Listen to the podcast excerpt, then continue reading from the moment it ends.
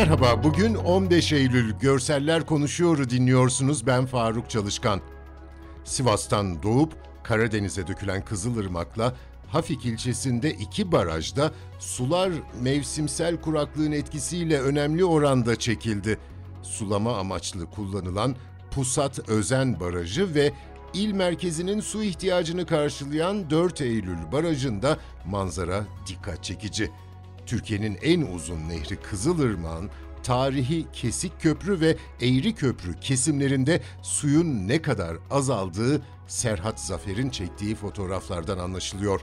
Coşkulu bir nehrin üzerine kurulmuş köprünün altında sığ olduğu kolayca anlaşılan bir su tabakası var. Bazı kesimlerde o da yok. Otlar yükselmiş. Suyun olmadığı yerlerde zemin bazen çamur, bazen iyice kurumuş ve çatlamış toprak. Van'ın Erciş ilçesinde kuraklığa bağlı olarak su seviyesinin azaldığı Van Gölü'ndeki iskelede balıkçı tekneleri iş makinesi yardımıyla göle açılabildi. Necmettin Karaca'nın çektiği fotoğrafta iskelenin en uç noktasına kadar gitmiş bir kepçe ve damperli kamyon var. İskeledeki teknelerin açılabilmesi için sığ suyun derinleşmesi gerekiyormuş ki kepçe zeminden aldığı toprağı, çamuru kamyona yüklüyor. Bir seferinde de koca bir kamyon lastiği nasip olmuş kepçeye. Göle açılınca çekilmiş fotoğraflar gölün güzelliğini de gösteriyor. Kırmızıya boyalı güvertenin üzerinde balıklar yığılı. Bir başka karede kucağına aldığı balık dolu kasayla poz veren genç balıkçı. Güneş suya vurdukça parlıyor her şey. İnci kefali zaten parlıyor. Endemik tür ve bölgenin geçim kaynağı. Av sezonu 15 Nisan'a kadar sürecek.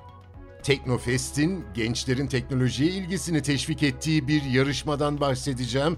Teknofest, Havacılık, Uzay ve Teknoloji Festivali kapsamında düzenlenen liseler arası insansız hava araçları yarışması Bursa'nın ev sahipliğinde gerçekleştiriliyor.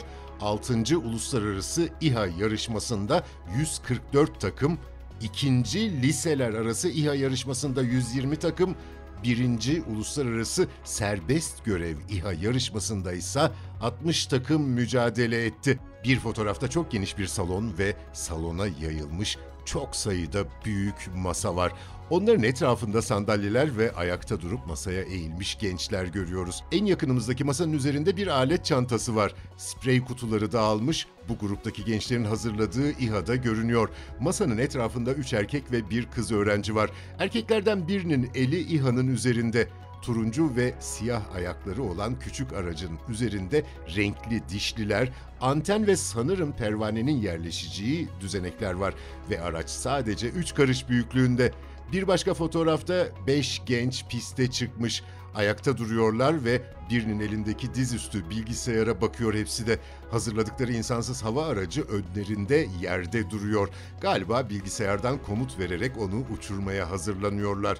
Uçan da var. Dört köşesinde dört pervanesi olan bir İHA'nın tribünlerin önünde havadan geçişini görüyoruz. Bu haftalık bu kadar.